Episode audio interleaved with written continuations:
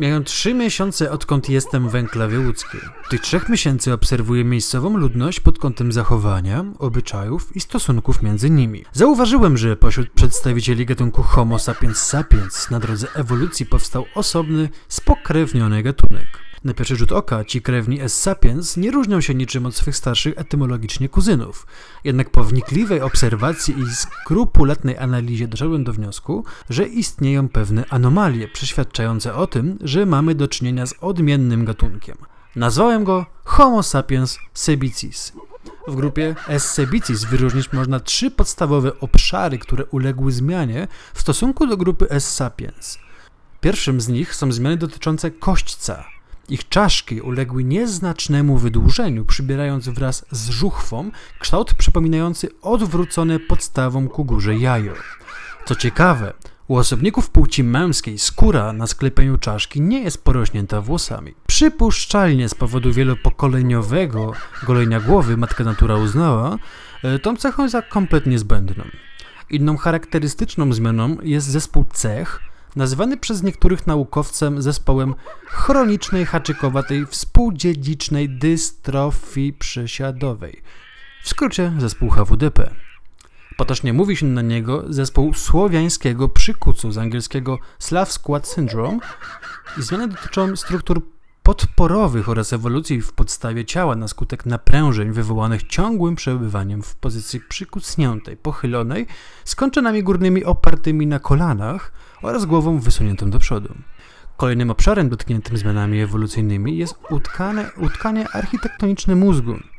Hipokamp oraz kora płatów skroniowych, odpowiedzialne kolejno za pamięć przestrzenną oraz długo i średniotrwałą, uległy częściowemu zanikowi na rzecz jądra migdałowatego, regulującego pamięć emocjonalną, strach i agresję. Brzusznej części kory przedczołowej, odpowiadającej za pamięć rozpoznawczą oraz kory śródwęchowej, w której znajdują się ośrodki pamięci asocjacyjnej. Przerost jąder migdałowatych świadczy o wzmożonej agresji. Jest to zjawisko szczególnie przydatne w trakcie czynności takich jak ustawki, wpierdole czy solówki.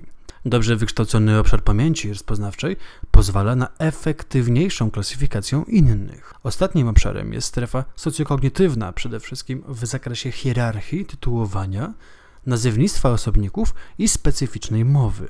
Co ciekawe, podobieństwa w brzmieniu i wymawianiu niosą różnicę w zapisie. Na przykład tam, gdzie S. sapiens nazywałoby się Rawo Kowalski, S. sebicis nazwie się Rafakow oraz Rafał przez V lub Raff i K. Kropeczka. Podobne zjawiska zachodzą we właściwie wszystkich imionach, ze szczególnym naciskiem na Sebastiana, Se, Ba z dużym B, Mateusza, Ma, Ti z dużym T, czy Bartłomiej, Bar, Tek z dużym T.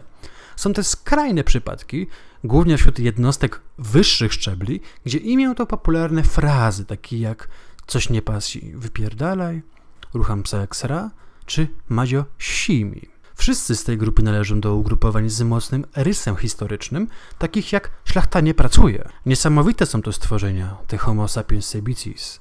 Ich byt pokazuje, że Darwin miał rację, ewolucja nadal trwa. Czy staną się nowymi najwyższymi naczelnymi? A może odejdą i rozwieją się w proch jak Australupitek? Tylko czas może to pokazać. Program na rzecz Discovery Studia Polska, tekst autorski Andrzeja Szydłowskiego, czytała Krystyna Czubówna swoim niezwykle męskim głosem Rafała Kurczyńskiego.